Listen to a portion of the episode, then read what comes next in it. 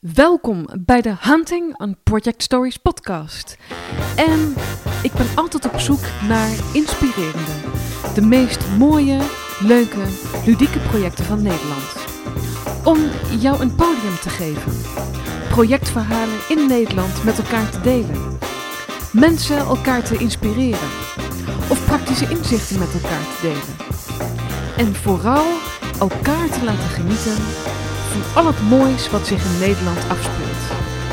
Ik ben Maaike van Meulen en reis met mij mee naar de prachtige verhalen van mensen. Ja, voordat ik je meeneem uh, naar het prachtige gesprek wat heeft plaatsgevonden uh, tussen Tony en mij, wil ik hem kort introduceren, zodat dat niet in de podcast-aflevering uh, hoefde tijdens het interview van ja, met, met Tony. En hij is een van de meest succesvolste ondernemers van Nederland op gebied van internetmarketing.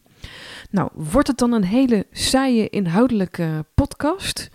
Nou, verre van. Ik zou zeggen, als je ondernemer bent, een veranderaar, nieuwsgierig bent of je bent misschien een projectmedewerker, um, luister deze hele podcast dan af op gebied van mogen kijken in zijn brein. Want hij heeft zeven online marketingbedrijven, een foundation opgericht, is ook investeerder.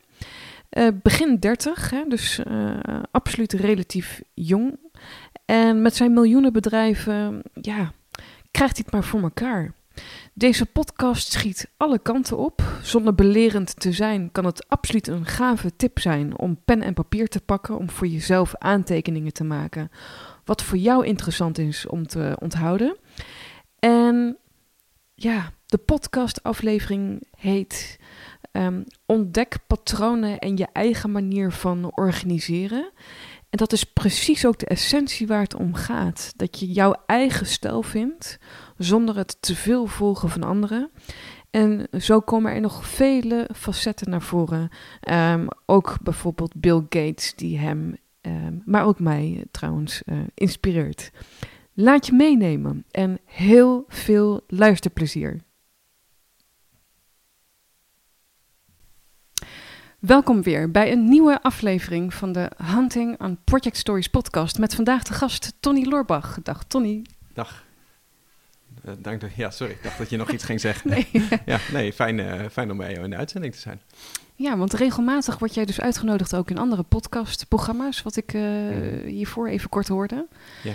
Uh, de mensen hoor, hebben hiervoor ook jou, uh, kort jouw intro gehoord, wie je bent, wat je doet. Mm -hmm. kort samengevat, noem je jezelf, ja, weet ik veel, ondernemer, zei je. Ja, ja, ik vind dat altijd een lastige vraag. Ja, ondernemer. Ik heb uh, laatst tijd zeggen mensen wel een serie-ondernemer, omdat ik meerdere bedrijven heb.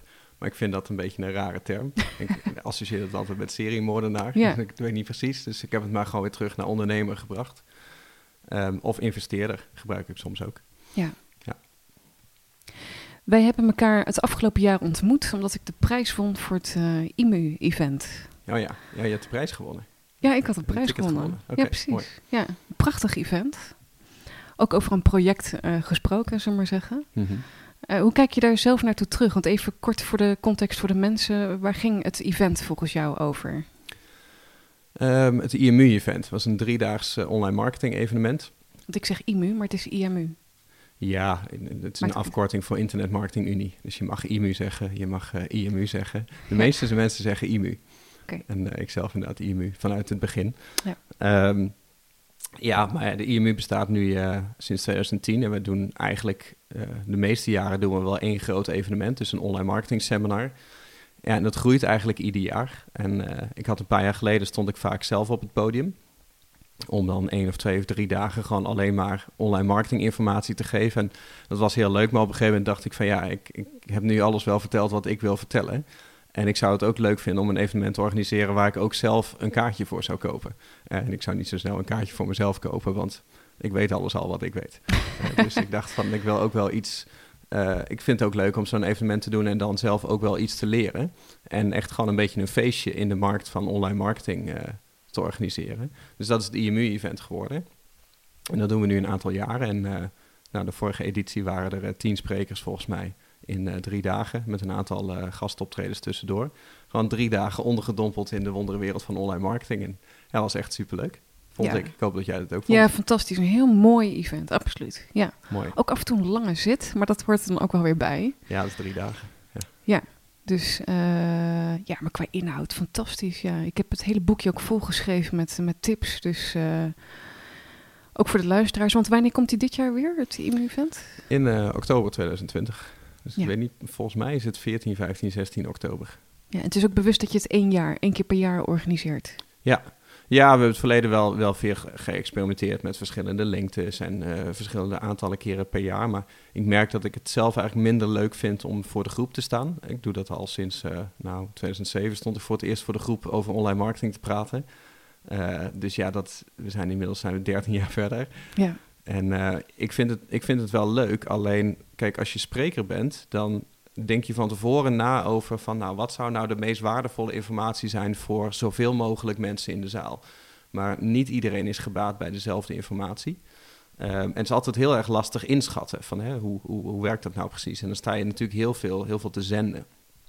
Um, en ik merk dat ik eigenlijk het één op één contact met ondernemers vaak leuker vind als het om vragen beantwoorden gaat. Dus uh, mastermind groepen of, uh, of Q&A sessies. Want ja, dan komt een ondernemer zelf met hetgeen wat hij, wat hij het liefst wil weten, hij of zij. Um, en daar kan ik dan gewoon meteen op ingaan. Vind ik, vind ik fijner. En kost mij ook geen voorbereiding. Ik vind een presentatie voorbereiden vind ik echt vreselijk. Maar als ik er eenmaal sta, vind ik het heel leuk om te doen. Dus ik heb dat ietsje teruggeschroefd. En dan heb ik liever één groot seminar per jaar... waar we gewoon uh, met z'n allen naartoe werken. Waar het hele team op losgaat. En uh, waar we gewoon een, uh, een epic feestje van maken. Ja, een epic feestje. Ja. Wie ook epic zegt is uh, Ilko de Boer. Is het zo? Volgens mij wel, ja. dat zou kunnen. Um, zover ik dat weet hoor, maar ja. Mm -hmm. Want je bent ook de, de, de soort van rechterhand geweest, kan ik het zo noemen, van, van Ilko? Ja, ik ben ooit... Ondernemer, uh, investeerder, ja. Ja, ik ben ooit begonnen als uh, stagiaire bij Ilko in 2007. En uh, toen uh, uitgegroeid tot uh, soort van rechterhand, inderdaad. We waren dan met z'n tweeën, dus dan ben je zowel rechter als linkerhand als, als, als rechterbeen als, als, ja. als linkerteen. En ehm, ja, Ilko gaf toen al online marketing seminars en verkocht ook cursussen over online marketing. 2007 ongeveer, hè? Ja, ja. dus daar, Ilko was toen al eventjes bezig. Toen kwam ik erbij. En we zijn toen, Ilko was toen naar Amsterdam gegaan. En toen ben ik met hem meegegaan. Toen waren we echt met z'n tweeën. En toen was ik een beetje zijn uh, uitvoerende rechterhand of technische rechterhand. Dan zijn we later in 2010 hebben we samen uh, de Internet Marketing Universiteit gestart. En dat is inmiddels een, uh, een tijdje geleden. En inmiddels geen compagnons meer, maar nog steeds goed, goed bevriend. Ja, precies. En in de, nog steeds in dezelfde markt. Ja. ja. En is het dan ook dat je elkaar ondersteunt of spart? Of hoe, hoe ziet dat eruit? Um, nou, nu is het meer uh, vriendschappelijk contact. Hè? Dus als ja, we elkaar uh, zien, dan, uh, dan, dan, halen oude herinneringen op en dan sparren we wat. En we houden elkaar natuurlijk goed in de gaten. Dat soort dingen wel. Maar onze businesses hebben minder overlap nu in deze fase. En dat komt misschien veranderd een beetje door de jaren heen. Ja, het hoort er dan ook weer bij. Ja, klopt. Ja. Ik zag laatst een, een, een, filmpje, vond ik wel heel mooi gezegd. Van er is een verschil tussen voorbereiden en er klaar voor zijn.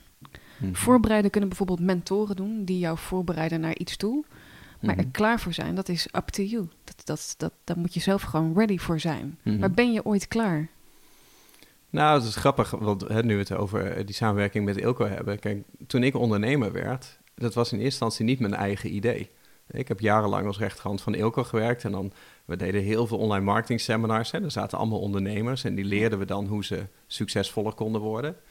Um, en er was altijd tijdens de lunches en de borrels dat altijd de deelnemers dan naar mij toe kwamen en zeiden: Ja, uh, waarom begin jij niet voor jezelf? of kriebelt het nou niet bij jou? En ik had altijd zoiets van: Nee, dat, dat kriebelt echt helemaal niet bij mij. Want ik ben gewoon lekker bezig, ik ben me aan het ontwikkelen. Ik had uh, echt een hele fijne plek bij, uh, bij Ilko. Nam me ook overal mee naartoe. dat vond ik echt super leuk. Dus ik dacht: Ja, ik heb helemaal die behoefte niet. Alleen in 2010 merkte ik dat ik een beetje aan mijn ontwikkelingsplafond zat. Ik dacht van oké, ik mis een beetje de uitdaging, ik mis de groei. En die groei die ga ik waarschijnlijk niet vinden in het werknemerschap. En wat voor groei, waar heb je het dan over? Nou, kijk, als je in een bedrijf werkt met twee personen, dan, ja, dan kan je wel op een gegeven moment eh, de directeur en de manager en uh, de koffiejuffrouw allemaal zijn. Maar je kan nooit voorbij de ondernemer. Hè? Dus, dus er is altijd, je bent altijd degene die onder de ander staat. En um, ik dacht van, ik wil eigenlijk ook wel een paar dingen ontwikkelen die je als echt als, als leidinggevende, als verantwoordelijke doet. Hè? Dus daar, daar merkte ik een stukje ontwikkeling. Ehm, en ik wist in eerste instantie helemaal niet precies waar ik dat moest zoeken. Dus mijn idee was eigenlijk gewoon om toen uit dienst te gaan en ergens anders te gaan werken. Om gewoon verschillende soorten ervaringen op te doen. Ik dacht, hè, anders dan ben ik vanaf mijn studententijd... heb ik alleen maar in dat kleine online marketingwereldje gezeten. En dan weet ik helemaal niet hoe de rest van de wereld eruit ziet. Nee. En toen was het Ilko die zei van ja, wat je ook kan doen is ondernemer worden. Dan beginnen we samen een, een nieuw bedrijf. En dan kunnen we gewoon samen blijven werken in dezelfde markt, op dezelfde achterban. Alleen dan ga je zelf een product maken en dan ga je daar zelf als ondernemer voor staan. En dat klonk toen zo logisch. ja, dat ik, hij zei dat toen volgens mij in, uh, in augustus 2010. En op 14 september 2010 heb ik mijn, uh, mijn product gelanceerd. Dus dat is echt binnen vier weken BV's inschrijven, product maken. Dus dat je er toch ready voor was? Ja, dus, dus omdat je dat zegt, van ik was er niet op voorbereid, maar ik was er wel klaar voor. Ja. En dat, uh, dat, dat is heel fijn. Dat voel je inderdaad meteen. Ja. ja. Mooi is dat. Dus dan heb je soms het inzicht van een ander nodig om daarin dus bewust te worden. Ja, nou, soms, kijk, um, ik vind het altijd mooi. Mijn coach uh, Albert Zonneveld, of tegenwoordig goede vriend, maar was altijd mijn, uh, mijn mentor. Stiekem nog steeds wel. Die man weet gewoon helaas heel veel meer dan ik. Daar hoop ik ooit nog een keer in te halen. Ja. Maar die heeft een hele mooie uitspraak. Die, die zegt vaak, je kunt jezelf niet aan je eigen haren uit het moeras trekken. Ja, prachtig. Ja. En, en wat hij daarmee bedoelt, uh, is, is je kan niet buiten je eigen referentiekader denken. Dus ik had op dat moment had ik helemaal geen rekening gehouden met een scenario van ondernemer worden binnen dezelfde markt. Want als ik er al aan had gedacht, dan had ik dat gezien als concurrent worden van. Ja. En dat wilde ik helemaal niet. Maar uh, samen een extra bedrijf starten en gewoon een extra product gaan vermarkten, was een gedachtegang die ik helemaal nooit uh, had gehad. En eh, dat lag dus buiten mijn referentiekader. Dus logisch dat, uh, dat dat dan van buiten je referentiekader naar je toe moet komen. Ja, jij zegt inderdaad logisch. Kijk, ik heb zelf heel lang het proces nodig gehad van hulp eh, vragen aan anderen. Dat zat niet Mhm. van nature in mij. Inmiddels doe ik dat heel erg. Mhm. Maar wat je ook uh, hoort, leest, ziet bij de, de topbedrijven van de, van de wereld, Mhm. uh, dat zij ook zeggen dat je gewoon een, een dorp van goeroes nodig hebt Mhm. om alle kennis om je heen te verzamelen. Ja. ja, geloof ik niet zo in. Ik heb Nee? echt een hekel aan goeroes. Je hebt een hekel aan goeroes. Ja, ik vind het helemaal of niks. mensen met kennis, laat ik het zo zeggen, of buiten jouw eigen uh, kennis om dus. Dat, dat, is anders, ja. Ja, of tenminste, dat is heel stellig. Ik heb een hekel aan goeroes, maar het is leuk om dat... dat is een mooie kop voor ja, de podcast. Lekker, ja. lekker rellen. Nee, want heel veel mensen noemen mij ook een goeroe en dat vind ik echt de grootste belediging. Dat vind ik Ja. echt een vreselijk woord. Dat wil ik helemaal niet. Weet je, je wil... Wat, wat ik altijd fijn heb gevonden is gewoon degene, de dingen die ik toepas. En bij mij is dat in de kern is dat online marketing. En vroeger was dat nog kleiner, was dat alleen zoekmachine optimalisatie. Daar was ik dan mee bezig. En dan paste ik mijn website aan. En dan ging die stijgen in Google. En dat ging dan vervolgens aan mensen uitleggen hoe ik dat had gedaan. Dan, dan ben je geen goeroe, dan ben je gewoon je, je kennis aan het delen. En ehm, ik heb dat uitgebouwd omdat ik het fijn vind om aan dingen te bouwen. Ik vind het mooi om een bedrijf te laten groeien. Ik krijg ook elke keer andere interesses. Hè. In het begin eh, moest ik er niet aan denken om personeel te hebben. Uh, een paar jaar later vond ik het allermooiste wat er was om een team te bouwen en cultuur op te bouwen. En nu zijn het dan uh, ja, uh, zeven online marketingbedrijven, is het allemaal wat groter. En gaat het wat verder dan zoekmachine optimalisatie. En ik heb een passie voor psychologie ontwikkeld, dus dat deel ik dan ook. Hè. Daar heb ik dan samen met Albert een podcast over. Maar daarin ben je niet per se een goeroe. Hè. Je deelt gewoon... Maar merk jij dus ook dat je kennis om je heen verzamelt? Hè? Dus, dus Mhm. als zo'n top van een bedrijf met die, die miljarden verdient... Of, of een miljoen, boven de 10 miljoen... Mm -hmm. um, dergelijke mensen die zeggen dat uh, je een dorp van mensen met verschillende kennis nodig hebt Mhm. mm -hmm. om door te kunnen blijven groeien. Ja. Geloof je daarin? Nee, denk ik niet. Uh, helemaal niet. Ik denk dat, dat, je, dat je dat met één, één persoon kan. Weet je, als jij iemand in jouw omgeving hebt die op alle fronten verder is dan jij, dan heb je niet een heel dorp nodig om van te leren. Um, ik Hangt denk, ook weer van je ambitie misschien af. Het ligt eraan wat, je, wat En jij wat? wil leren. Ja. En, uh, en, En wat je nodig hebt. Klopt. En kijk, en ik heb altijd een beetje een aversie tegen de goeroes, omdat, uh, kijk, goeroes maken er vaak hun werk van om uh, uh, geld te verdienen aan de kennis die zij hebben, hè? of aan de overdracht van die kennis. En ik heb dat deels ook wel, want ik verkoop ook mijn kennis naast software. Dus dat is een beetje een grijs gebied voor mij. Maar vaak zie je dat mensen die lesgeven in een bepaald vak minder goed zijn in het vak dan de mensen die er geen les in geven, maar die er actief in zijn. Ik denk dat er heel veel mensen zijn die veel beter zijn in zoekmachine optimalisatie dan ik. Alleen ik ben in Nederland een van de bekendste op het gebied van zoekmachine-optimalisatie, omdat ik er een boek over heb geschreven en omdat ik daar mee het podium op ga. Maar waar, waar ligt dat aan? Dat volgens jou niet zozeer de mensen die het vak doseren, maar juist die het niet doen, dat die nog beter wellicht in het vak kunnen zijn? Wat, wat, wat is dat? Nou, dat is een oude uitspraak, maar die mocht ik in de familie nooit doen, want mijn vader is docent. maar we zeiden altijd van, hè, mensen die niet excelleren in een vak, worden vaak docent in dat vak. Ja. En, en daar zit wel een kern van waarheid in. Alleen wat ik bij mezelf merk is, in plaats van dat ik bijvoorbeeld doorga in het uh, optimaliseren van mijn eigen website. Stel dat ik alleen maar mijn website zou hebben en ik zou de hele dag bezig zijn met het optimaliseren van die website voor Google, dan zou al mijn energie en mijn focus daar naartoe gaan. Maar nu besteed ik een heel groot gedeelte van mijn focus aan het uitwerken van boeken, PowerPoint-presentaties, video's, uh, didactiek, manieren onderzoeken hoe ik het het beste uit kan leggen aan andere mensen. Maar je zegt ermee dat het dan makkelijker is om out of your eigen comfortzone van, van de kennis die je hebt, dat je gaat doen en dan erachter komt hoe het allemaal werkt. Ja, ja klopt. Nou ja, dat, dat doe je ook wel. Alleen ehm, alle energie die ik besteed aan het doorgeven van die informatie, die energie besteed ik niet aan het ontwikkelen van mijn eigen vaardigheden dus nou vind ik het fijn om mijn spreekvaardigheden te ontwikkelen en mijn coachingsvaardigheden. En ik vind het heerlijk om dat ook bij andere mensen te zien groeien. Dat is een bewuste keuze, daarom doe ik dat. Alleen ik had misschien beter in het vak kunnen zijn als ik ten eerste bij alleen dit vak was gebleven en niet al die andere dingen was gaan doen. En besloten had om er niet meer werk van te maken om het te doseren. Mhm. Want ik vertel al jaren hetzelfde.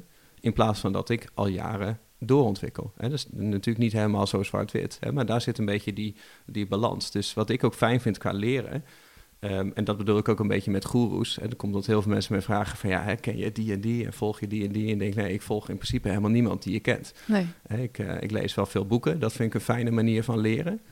Ehm, en verder leer ik gewoon heel graag gewoon uit mijn omgeving. Gewoon uit, uit wat er op mijn pad komt in de wereld. Ja. Ehm, en het liefste niet van de mensen die op een podium staan of die er hun geld mee verdienen, maar gewoon de mensen die op dagelijkse basis iets veel beter doen dan dat ik het doe. En dan dus kan je doet iets voordat je. Dus iets doen gaat voor voorbereiden voor jou. Ook weer terugkomen op. Ehm, je kunt je wel voorbereiden, maar dan, ben je, hoef je nog niet klaar voor te zijn, zeiden we net. Ja, klopt. Maar jij doet iets, mhm. omdat je er soort van klaar voor bent. Mhm. En dan kom je erachter, oh, misschien heb ik deze en deze kennis nodig. Dat is wat je zegt. Klopt. En dat is dan een soort van voorbereiding of zo, of eigenlijk doorontwikkeling van wat je doet. Ja, maar het ligt er natuurlijk ook heel erg aan wat je, wat je wil. Hè? Niet iedereen uh, volgt hetzelfde ontwikkelingspad. Um, en net wat je zegt, je hebt een heel dorp aan ontwikkeling nodig om, uh, om succes te bereiken. Maar dat zou alleen zo zijn als er een, een vast gedefinieerde waarde van succes is met een aantal eigenschappen waar dat succes dan aan moet voldoen. Voor een bepaalde type organisatie. bijvoorbeeld. Ja. Want Hans Kazan, die was in de vorige aflevering, mm vind ik prachtig ook om de contrasten van mensen die ik interview naast elkaar te, te mogen en kunnen zetten. Die doet alles dus op zichzelf. Mhm. Met zijn vrouw hooguit. Die is business-wise zijn, uh, ja, hoe zeg je dat? Stabiliteit, stabiele mhm. factor. Ja. Um, maar hij wil geen team. Uh, met projecten heeft hij niks. Mm uh, ja, organiseren. Ja, natuurlijk moeten er klusjes geklaard worden. Maar voor de rest, ik mhm. doe gewoon mijn ding. En ik blijf vooral heel dicht bij mezelf. Dat is wat Hans dan zei. Ja, maar dat, dat heb ik in zekere zin ook. Alleen bij mij, ik heb gemerkt dat het verandert. En uh, in het begin had ik zoiets van... mijn ideaalbeeld is gewoon een business zonder kantoor en zonder personeel. Met gewoon alleen mijn laptop, lekker thuis aan de keukentafel, in, in alle vrijheid. Ja, ik ben gewoon heel graag op mezelf. Hè? Dat, maakt dat als een grapje van, ja, ik hou ook helemaal niet van andere mensen. maar daar zit ook wel een kern van waarheid in. Ik ben gewoon, uh, wat dat betreft, ben ik graag op mezelf. Alleen ik merkte na, na een paar jaar ondernemen dat ik daar op een gegeven moment helemaal niet gelukkig van werd. Ik was twee, drie jaar bezig, twee jaar ongeveer. En ik had gewoon echt een, een depressief jaar met, uh, ja, ik verdiende meer geld dan ik kon uitgeven. En dat, dat hielp blijkbaar niet. Ik zat gewoon lekker thuis. Ik had geen enkele vorm van verplichting. Ik had geen uh, relatie, ik had geen kinderen, ik had geen ziekte in de familie. Ik had, uh, ik had echt nul stress, maar toch heel erg ongelukkig. Um, en toen merkte ik van, uh, oké, onafhankelijkheid geeft mij niet per se een gevoel van, van vrijheid. En daar heb ik het toen met, met Albert, mijn coach, toen heel erg over gehad. En die heeft mij dat toen uitgelegd. Hij zei van, hè, mensen kunnen in principe niet zonder andere mensen. Dus onafhankelijkheid betekent dat je uit contact geraakt. En het kost een mens veel meer energie om uit contact te zijn dan, dan om in contact te zijn. Ook al ben je misschien meer die introvert die Klopt. oplaat op zichzelf. Klopt. En uh, hè, dat kwam heel erg voort uit een bepaalde controlebehoefte. Van hè, als jij maar uh, gewoon in je eentje bent en je hebt je eigen business en je eigen voorwaarden en je eigen prijzen en je doet alles helemaal 100% op jouw manier, dan heb je soort van 100% controle. en, en ja, ik weet vanuit de middelbare school dat ik een behoorlijk autoriteitsprobleem heb. Dus ik ben, ik ben graag zelf in control. Uh, maar Albert had toen een vernietigende quote. Hij zei: Tony, je hebt pas controle op het moment dat je het niet meer nodig hebt. En dat vond ik, toen, vond ik toen heel frustrerend om te horen. Je hebt pas controle op het moment dat je het niet meer nodig hebt. Dus maar hoe dan? Nou, ik dacht toen van dan moet ik een meester uitbesteder worden. Dus dan ga ik nu alles, uh, ga ik mensen zoeken, ga ik een team bouwen, puur uitvoerend. Um, want als andere mensen de controle hebben, dan hoef ik hem niet meer te hebben. En toen bleek dat als je alleen maar mensen neerzet en je systematiseert alles. Hè? Dus ik noem dat een beetje de rood-wit afzetlint methode. Van nou, hè, ga jij hier maar zitten en doe deze dingen vooral wel en doe deze dingen vooral niet. Ja. En als alles maar goed genoeg gaat, dan krijg je aan het einde van de maand je salaris. Maar verder is er niks anders dan, dan systemen. Maar ik merkte toen dat systemen zijn en moordend voor creativiteit. En het zorgt ervoor dat je alleen maar armen en benen in dienst hebt. En je wil eigenlijk hersenen en harten. En hersenen en harten komen pas als je naast de systemen ook ruimte houdt voor uh, cultuur. Uh, en maar dat vind ik dan wel mooi gezegd, want, want ja, enerzijds zeg je van het dood de creativiteit, maar mm. nu hoor ik je ook zeggen naast het systeem ook het andere. Dus en en. Nou, het moet en en zijn, want kijk, uh, je kan heel ver komen. Dat hebben wij de afgelopen jaren gedaan, een cultuur bouwen op basis van uh, autonomie, hè, dus, dus vrijheid van handelen en verantwoordelijkheid en loyaliteit. Dat zijn een beetje de drie kernwaarden die wij ja, hebben. En ook onderdeel van het creëren van een mate van werkgeluk bij uh, mensen. Ja, klopt. Alleen bij ons, hè, wij hebben bijvoorbeeld, we hebben geen uren, we hebben geen vakantiedagen. Uh, we hebben geen hiërarchie, uh, we hebben geen functieprofielen. Uh, we hebben in principe alleen mensen met verantwoordelijkheden. Dus iedereen heeft een verantwoordelijkheid over een stukje van de business. die weet waar het nu staat, die weet waar het uiteindelijk naartoe zou moeten. En dat bepalen ze mede ook zelf waar het uiteindelijk naartoe moet. Dus dat is deels vanuit mij en mijn compagnons, maar ook deels vanuit de persoon. En ze weten wat voor resources daartoe beschikbaar hebben. En dat richten ze vervolgens, richten ze dat met hun eigen tijd en energie, richten ze dat in. Nou, dat is een ongekende vorm van vrijheid. Um, dat werkt heel goed. En dan zie je dat als mensen die verantwoordelijkheid pakken, dat ze daarmee dus ook de controle pakken. En dat jij hem als ondernemer niet meer nodig hebt. Nou, het is ook denk ik een vorm inderdaad van uh, als mensen zich erkend voelen mhm. en waardering krijgen, daar bloeit iedereen van op. Ja, klopt. Alleen uh, waardering krijgen um, vanuit de werkgever is niet altijd echte waardering. Nee, dus die oprechtheid daarin ook. Nou, of um, iets anders. Echt grappig. Ik heb ze met, uh, met, uh, met kerst had ik ze een brief gegeven met uh, een kerstcadeau. En dat had ik in zulke moeilijke bewoording geschreven dat, dat de bedoeling was dat iedereen zo in de war zou zijn door de brief dat ze niet precies wisten wat er stond.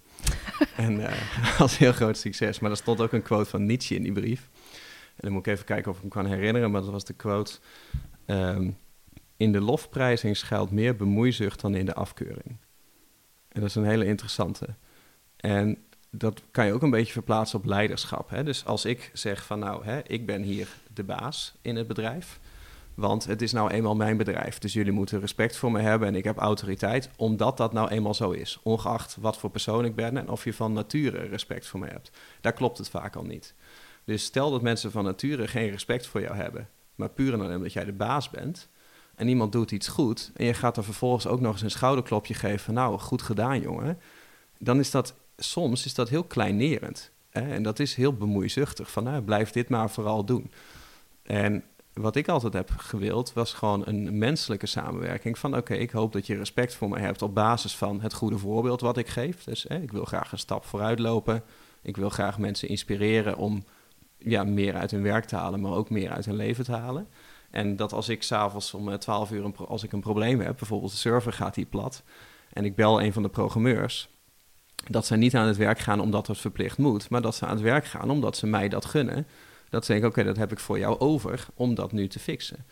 En uh, op dat moment hoef ik ze ook helemaal geen uh, erkenning te geven, want dat, dat voelen ze wel. En natuurlijk geef vaak genoeg complimenten, maar Um, dat je hebt een soort van gezamenlijke voorwaarden gecreëerd, of, of regels of afspraken. Of, of, Ja, dus voor vanzelfsprekende dingen hoef je geen erkenning meer te geven, maar die erkenning die geven ze zichzelf. En ik denk dat die veel belangrijker is. Hè? Mensen zichzelf een schouderklopje geven voor wat ze hebben gedaan.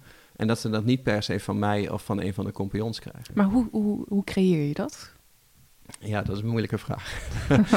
um, nou ja, dat, dat gaat niet van maandag op dinsdag. Hè? Dus dat, uh, dat, daar is veel lef voor nodig, heb ik gemerkt, om mensen die vrijheid te geven. Um, maar, het, maar, het, vraagt ook natuurlijk uh, iets van de mensen in zichzelf. Ja, dus, dus daar moet je bij de sollicitatiegesprekken moet je daar al rekening mee houden van hè, wat voor persoon heb ik hier. Dus um, wij kijken met sollicitatiegesprekken ook niet zozeer naar de vaardigheden, maar eerst naar de persoonlijkheid. Want vaardigheden kan je wel leren, maar persoonlijkheid kan je niet leren. En toen ik begon met mensen aannemen, toen keek ik heel vaak naar mensen die dan net zo waren als ik. En daar had ik dan een goede klik mee. Maar nu weet ik van ik moet absoluut geen mensen aannemen die net zo zijn als ik. Nee, zeker. Want, want daar heb ik niks aan. Want die voegen niks toe wat ik zelf niet kan toevoegen. Ik wil helemaal niet mensen met ondernemersambities. Of mensen die niet met andere mensen kunnen omgaan. Of mensen die, uh, die op hun eigen eilandje willen zitten. Ik wil juist binnen het team mensen die heel close met elkaar zijn. Maar uh, wist je dat op voorhand al? Omdat, omdat ik je inschat als een heel bewuste uh, persoon. Mm -hmm ja, het zal wel beide zijn. Of dat je dus on the road dit ook moet ervaren, dat wat je dus niet zoekt. Ja, dat moet je ervaren. Ja, want, want in het begin heb ik dat niet gedaan. Heb ik mensen aangenomen die heel erg op mij leken. Ehm, en, niet, en niet geheel uitzonderlijk kregen die na een jaar of twee kregen die ook ondernemersambities. Um, en, en zagen ze geen rol meer in het bedrijf. Um, of niet meer de rol die, die nodig was. En daar ben ik wel op gaan aanpassen. En er zijn ook wel, hè, zijn mensen bijgekomen, zijn mensen weggegaan door de jaren heen. Niet iedereen kan even goed met vrijheid omgaan. En dat merk je ook. En kijk, als je een, een heel klein team hebt van bijvoorbeeld vier of vijf mensen. En er zit één of twee tussen die, die er niet in passen, dan krijg je zo'n cultuur krijg je nooit voor elkaar. Kijk, heb je er een stuk of twintig en er zit er eentje bij die er niet zo goed mee om kan gaan. Die wordt dan wel meegetrokken door de rest. Maar in het begin is dat heel lastig. Dus... Maar wat vraagt het van jou? Want dit gaat dan over de ander, maar wat mhm. is dat in jou zelf? Nou, uh, uh, een hele goede balans tussen, uh, zeg maar, uh, echt loslaten. Dus niet op papier loslaten van, ja, ik krijg nu deze functie en dan is die niet meer bij mij. Maar dan vervolgens alsnog staan te controleren hoe iemand het heeft gedaan. Dus je moet het mentaal echt loslaten, verantwoordelijkheid en vertrouwen geven. dat tegenover niet um, misplaatst vertrouwen geven. dus als het er niet in zit bij iemand, dan kan je nog zoveel vrijheid en nog zoveel vertrouwen en nog zoveel positieve energie geven. Maar als het er niet in zit, dan moet je op een gegeven moment een beslissing nemen van dit gaat hem niet worden. Maar wat is dan voor jou vertrouwen en die grens daarin? Nou, vertrouwen, dat, dat voel je. Dus als jij een, eh, een, eh, een taak krijgt of, een, of een, verantwoordelijkheid binnen een bedrijf, uh, laten we zeggen van je krijgt de verantwoordelijkheid over de klantenservice. Maar je weet dat ik aan het einde van de dag nog even ga controleren of alles wel goed beantwoord is. Of je weet dat als je niet alle mailtjes beantwoordt of als er een klant boos wordt, dat ik dat dan vervolgens wel oplos. Dat is, dat is geen vertrouwen geven.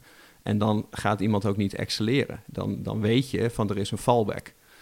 Um, of als ik het, het management geef over, um, over het, het team of uh, nou ja, wat dan, wat dan ook maar in het bedrijf. Kijk, als ze weten dat ze. Dus je weet voor jezelf, hè, het is ook een beetje bewezen van als er herhaaldelijk gedrag plaatsvindt, een keer mhm. of drie, mhm. dan is dat ook een, vaak een patroon van een mens. Ja.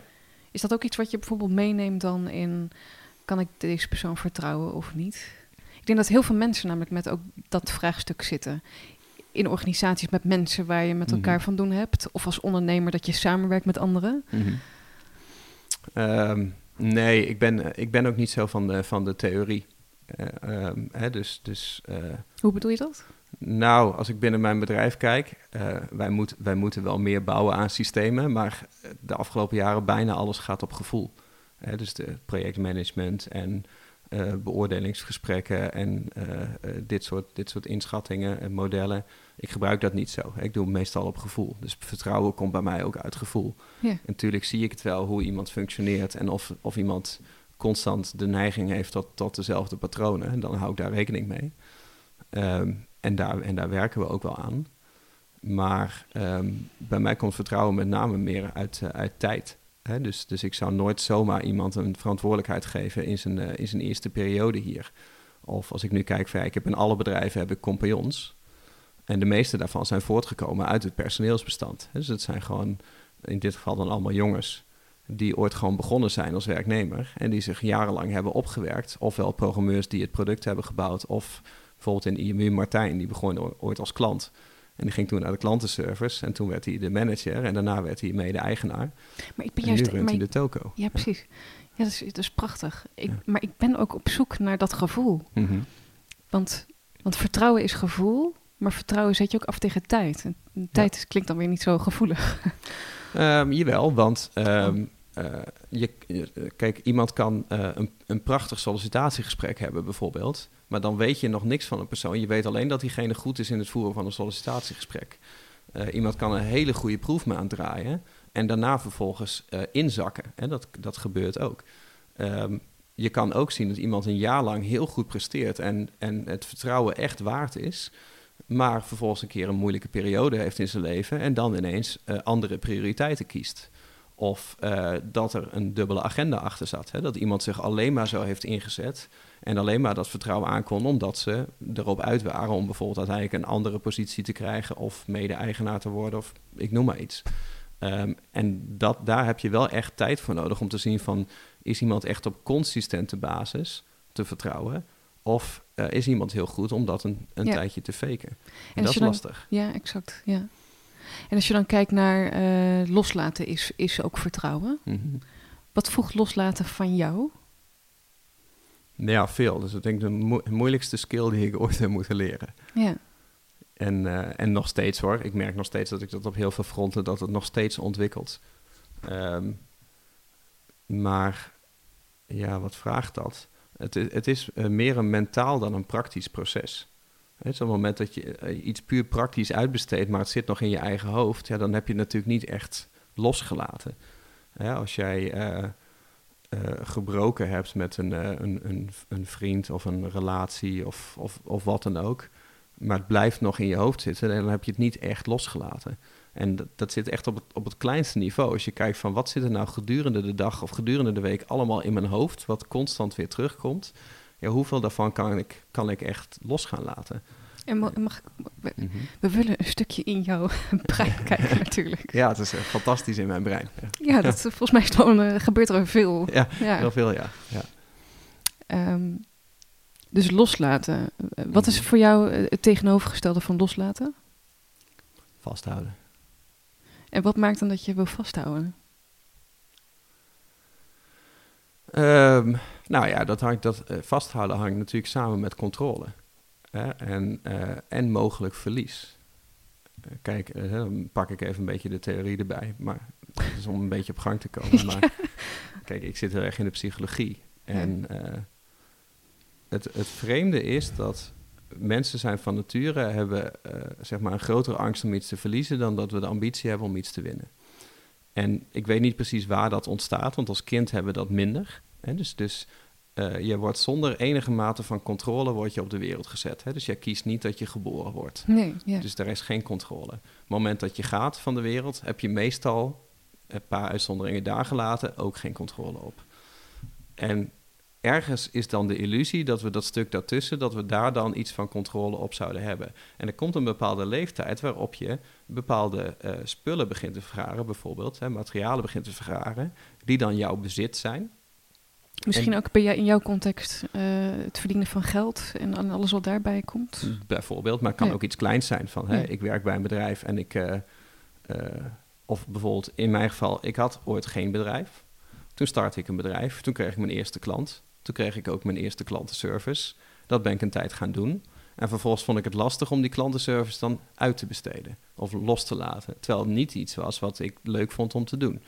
En dat kan met uh, verantwoordelijkheden kan dat zijn. Dat kan met taken zijn. Dat kan met uh, materiële bezittingen zijn.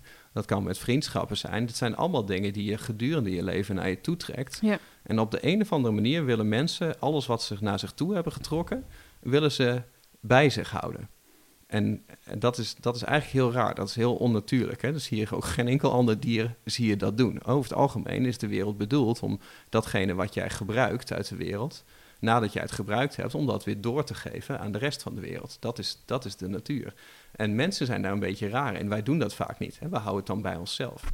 Maar ja, dat is net als wanneer je, wanneer je handen samenpakt. Weet je, als jij op een gegeven moment alles, alles vasthoudt en je moet echt gewoon bloed uit je vingers knijpen om alles vast te houden, hmm. dan is er en geen ruimte voor andere dingen. En het is een heel stressvol bestaan. Hè? Als jij alles maar mee moet dragen wat je altijd verzameld hebt. Ja, ook dat zand wat je... Ik moet nu aan de metafoor... Want je zit met je handen hier, eh, wat de luisteraars niet zien. maar dat je zand vasthoudt en zo mhm. hard dat het juist dus uit je handen glipt. Dat, ja. Mhm. Dus er zit veel angst achter ook. Nou, de, de angst die erachter zit... Ehm, is de angst voor, voor verlies of de angst voor het onbekende. Hè? Want uh, op het moment dat ik ruimte maak in mijn leven, dus laten we zeggen, ik, ben, uh, ik heb een bepaald takenpakket, we me heel simpel houden. Ik werk ergens bij een bedrijf en ik uh, zit op de klantenservice en dat doe ik zes uur per dag. En dan heb ik nog twee uur heb ik ruimte om, om andere dingetjes te doen. Op het moment dat ik een manier vind om die klantenservice in twee uur per dag te doen, dan zou dat in, in zekere zin positief zijn. Dan zou ik mhm. vier uur per dag over hebben. Alleen die vier uur ruimte, die moet ik dan wel ergens anders mee gaan vullen. En daar zit vaak de angst van wat komt daarvoor in de plaats? gaat dat iets zijn? Het onbekende. Ja, dus gaat dat iets zijn wat me meer pijn doet, wat ik uh, saaier vind? Hè? Verveling is ook pijn. Uh, gaat het iets zijn wat, uh, wat boven mijn niveau ligt, hè, waar ik voor moet ontwikkelen? En veel mensen vinden gaan ontwikkelen ook spannend. Maar is het voor jou dan ook feel the fear and, do it anyway? Dat, dat principe? Ehm, Jawel, maar ik, ik, ben, ik ben niet zo'n held, denk ik hoor. Ik, ik heb altijd overal best wel lang voor nodig om een stap te maken. Stappen die ik al lang weet van dat zou goed voor me zijn. Dat kan soms wel een jaar duren voordat ik die stap uiteindelijk zet. Ik ben ook niet eh, heel erg hoog in de speed of implementation.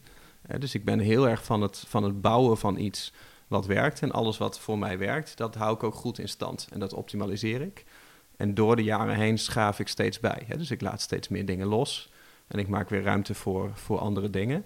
Maar ik heb wel heel erg geleerd dat ehm, ook loslaten heeft ook tijd nodig. Hè? Er is een heel groot verschil tussen iets over de schutting gooien... Um, of iets maar gewoon vergeten en het niet meer doen... tegenover iets uh, succesvol overdragen. Hè? Dus iets uh, puur zakelijk gezien, iets uitbesteden... betekent dat je het overdraagt aan iemand anders... die het in eerste instantie net zo gaat doen als jij... of net zo goed, op, maar misschien op een andere manier... en uiteindelijk beter dan jij... Um, en dat, dat wil je eigenlijk met alles wat je loslaat. Hè. Je wilt het uiteindelijk een, een, plek geven. En dan kom ik op een gegeven moment nu in mijn bedrijf op een punt dat als wij dan met alle partners aan tafel zitten en het gaat over de softwareproducten bijvoorbeeld, dan voel ik me echt de domste persoon aan tafel. En dat is heel fijn om in te zitten, omdat zij allemaal verder ontwikkeld zijn op de dingen die ze van mij hebben overgenomen.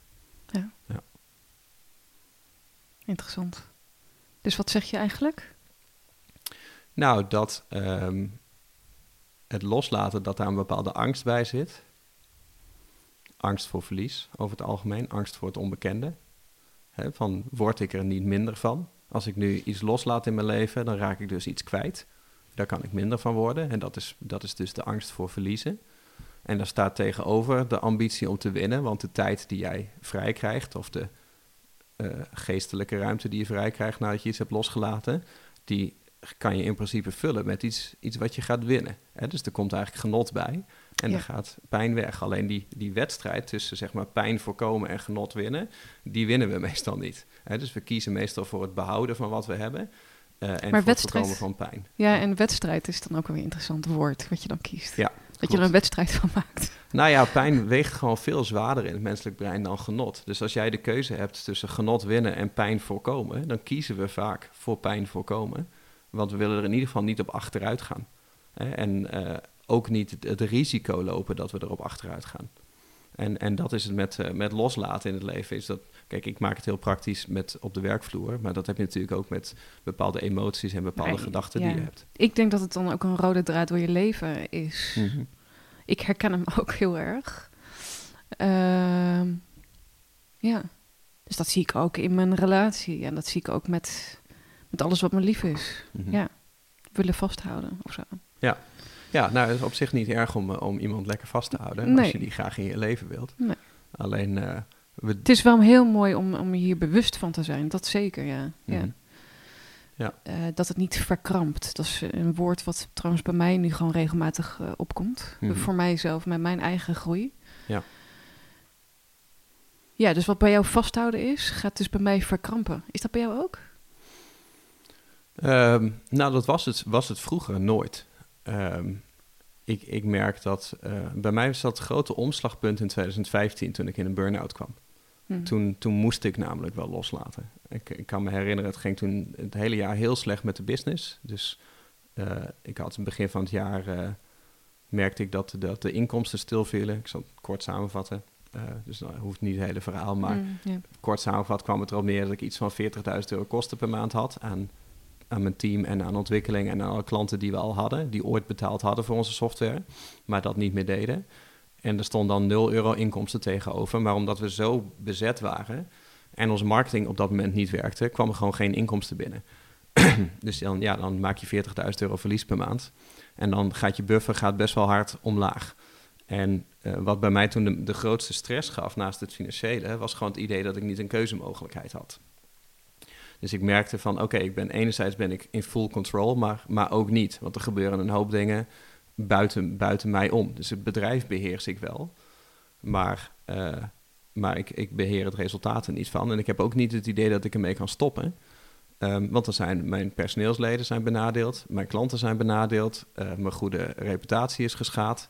En ik had zoiets van, nou, als dit mislukt, dan weet ik ook niet of ik daarna nog ergens aan de bak kom. Want hè, wie, wie wil mij nou aannemen? Dat was destijds mijn gedachte. Dus dan zit je helemaal vast. En als je dat maar lang genoeg doet, dat je geen keuzemogelijkheid hebt, dan verbruik je iedere dag meer energie dan dat je die dag terugkrijgt. En dan kom je uiteindelijk kom je in een burn-out. Um, of ik dan. Um, en ik merkte toen van, oké, maar dit is niet van maandag op dinsdag gebeurd. Dit is gewoon een resultaat van de strategie die ik heb gekozen ja. om mijn leven te leven. Ja, die op dat, tot, tot dat moment redelijk werkte. Ja, die werkte redelijk goed. Alleen als je een burn-out hebt, dan merk je eigenlijk dat in de periode dat het nog goed ging met je, dat je toen eigenlijk ook al wel een foute strategie had. En uh, als je dan hersteld bent van een burn-out, dan kan je denken van nou, ik ga gewoon weer op precies dezelfde manier leven. Maar dezelfde strategie leidt tot precies hetzelfde resultaat. Ja. Dus je moet structureel andere levenskeuzes maken. En loslaten was voor mij toen een hele belangrijke. Maar ik had het goed getest, want toen ik op een gegeven moment gewoon echt niet meer kon. Ik weet nog dat ik uh, op een gegeven moment uh, wilde ik op uh, een live uitzending doen op Periscope. En dat was, was nog voor Facebook Live, was dat helemaal het, het ding. En ik had het ochtends besloten van ik ga vanmiddag om vier uur ga ik spontaan op Periscope, want dat is goed voor de marketing. Want ik had me al heel lang niet aan de buitenwereld laten zien. En toen ben ik echt van tien uur s ochtends tot vier uur s middags heb ik hier op kantoor tussen dat, deze ruimte waar we nu zitten en de ruimte hier aan de overkant heen en weer gelopen om te bepalen of ik dat hier op de bank zou doen of in de, op de bank in de gemeenschappelijke ruimte. En uh, op een gegeven moment kwam Chris, die werkte toen voor mij. Die kwam naar me toe en zei, wat, wat ben je nou aan het doen? Ik zei, ja, ik, ik, kom er gewoon echt niet uit waar ik die live-uitzending moet gaan doen. Wat de achtergrond zou moeten zijn, dus op welke bank ik zou moeten zitten. Ja. En dat was echt gewoon uh, tranen in de ogen, ellende. En Chris zei van, ja, ga lekker naar huis, man. Wij, uh, wij regelen het hier wel. En uh, ja, toen pakte hij en Martijn destijds, die pakte de regie over het bedrijf over. En, en die runden het gewoon. En die konden gewoon heel veel dingen waarvan ik dacht dat ik ze alleen maar kon. En als je dat dan in de praktijk hebt gezien, dat heel veel mensen datzelfde wel kunnen als wat jij kan, of in ieder geval goed genoeg, ja, dan geeft dat wel echt een enorme rust van oké, het loslaten ja, werkte. Ja, ja, Dus je moet het oefenen. Je moet het oefenen. Ja. En hoe is het nu met jou? Ja, nu heel goed. Wat is heel goed voor jou? Nou, loslaten gaat me goed af. Um, dat, is, dat is wat voor mij een belangrijke. Dus um, ik merk nu ik heb een aantal bedrijven gebouwd. Nou, daar zitten dus nu partners op. Grappig is dat Martijn dus een van de partners is. En Chris is ook een van de partners in, uh, in het bedrijf. En zo heb ik dat met alle bedrijven. Ik merk dat ik geen operationele taken meer in die bedrijven heb. Dus vandaar dat ik me wel eens investeerder noem. Want ik zit er eigenlijk niet meer echt in. Dus ik sta meer op de achtergrond. En het geeft mij gewoon heel veel tijd en, uh, en ruimte om, uh, om andere dingen te gaan doen. En, en toch ook heel erg de rust dat het allemaal gewoon, uh, dat het allemaal gewoon loopt. Dus op zakelijk vlak is, is dat goed gelukt. En eigenlijk is die burn-out gewoon één grote, grote gunst geweest. Want ik ben toen bijvoorbeeld direct daarna ook bij een personal trainer begonnen. Nou, we zijn nu bijna vijf jaar verder, vier en een half jaar verder. En ik zit nog steeds bij die personal trainer. Hij komt nu drie keer in de week komt hij bij mij thuis langs. En dat is echt een rode draad in mijn leven geworden. En uh, zowel qua sport als qua voeding, als stress, als slaap. Ja, dat is gewoon echt een constante focus om dat goed te houden. Want dat is wel een mooie brug ook met, uh, nou die brug die komt zo meteen, maar mm -hmm. we hadden het voorafgaand over uh, projecten en waarom ik deze podcast mm -hmm. überhaupt ben gestart. Ehm, nou ja, kort is dat omdat mensen vaak um, gaan voor een bepaald resultaat. Er moet een event komen of een gebouw neergezet worden of een nieuw lesprogramma ontwikkeld worden of nou, you name it. Mm -hmm. um, maar wat is die, die weg ernaartoe met die struggles mm -hmm. die iedereen kent, maar ook de mooiigheden, et cetera. Ja. Nou ja, jij benoemde zelf, ja, ik ben eigenlijk helemaal niet bewust bezig met, met projectmatig werken. Nee. En misschien wel, als we het er dadelijk mm. verder over hebben, met, met ja. de structuren die toch in je leven zitten, die ook na je burn-out uh, wellicht uh, in je leven zijn gekomen. Ja, nou kijk, projectmatig werken, um, in die zin wel dat ik, um, uh, ik ontwikkel wel steeds. Dus ik onderzoek veel dingen, ik lees veel, ik test veel. Ik neem niet snel iets aan. Um, ik doe ook niet snel iets wat andere mensen gaan doen. Dus als hè, ik zit in heel veel masterminds, als alle ondernemers in zo'n mastermind enthousiast zijn over een boek, dan ga ik het juist niet lezen. Dus ik ben een beetje koppig wat dat betreft. Maar dan ga ik het drie maanden later stiekem ook lezen. Maar dan zeg ik het tegen niemand. en, en dat is met alle goede gewoontes. Hè. Ik zie andere mensen wel dingen doen en ik zie het wel en ik luister er wel naar. Maar ik ben niet zo snel van, oké, dat ga ik ook doen.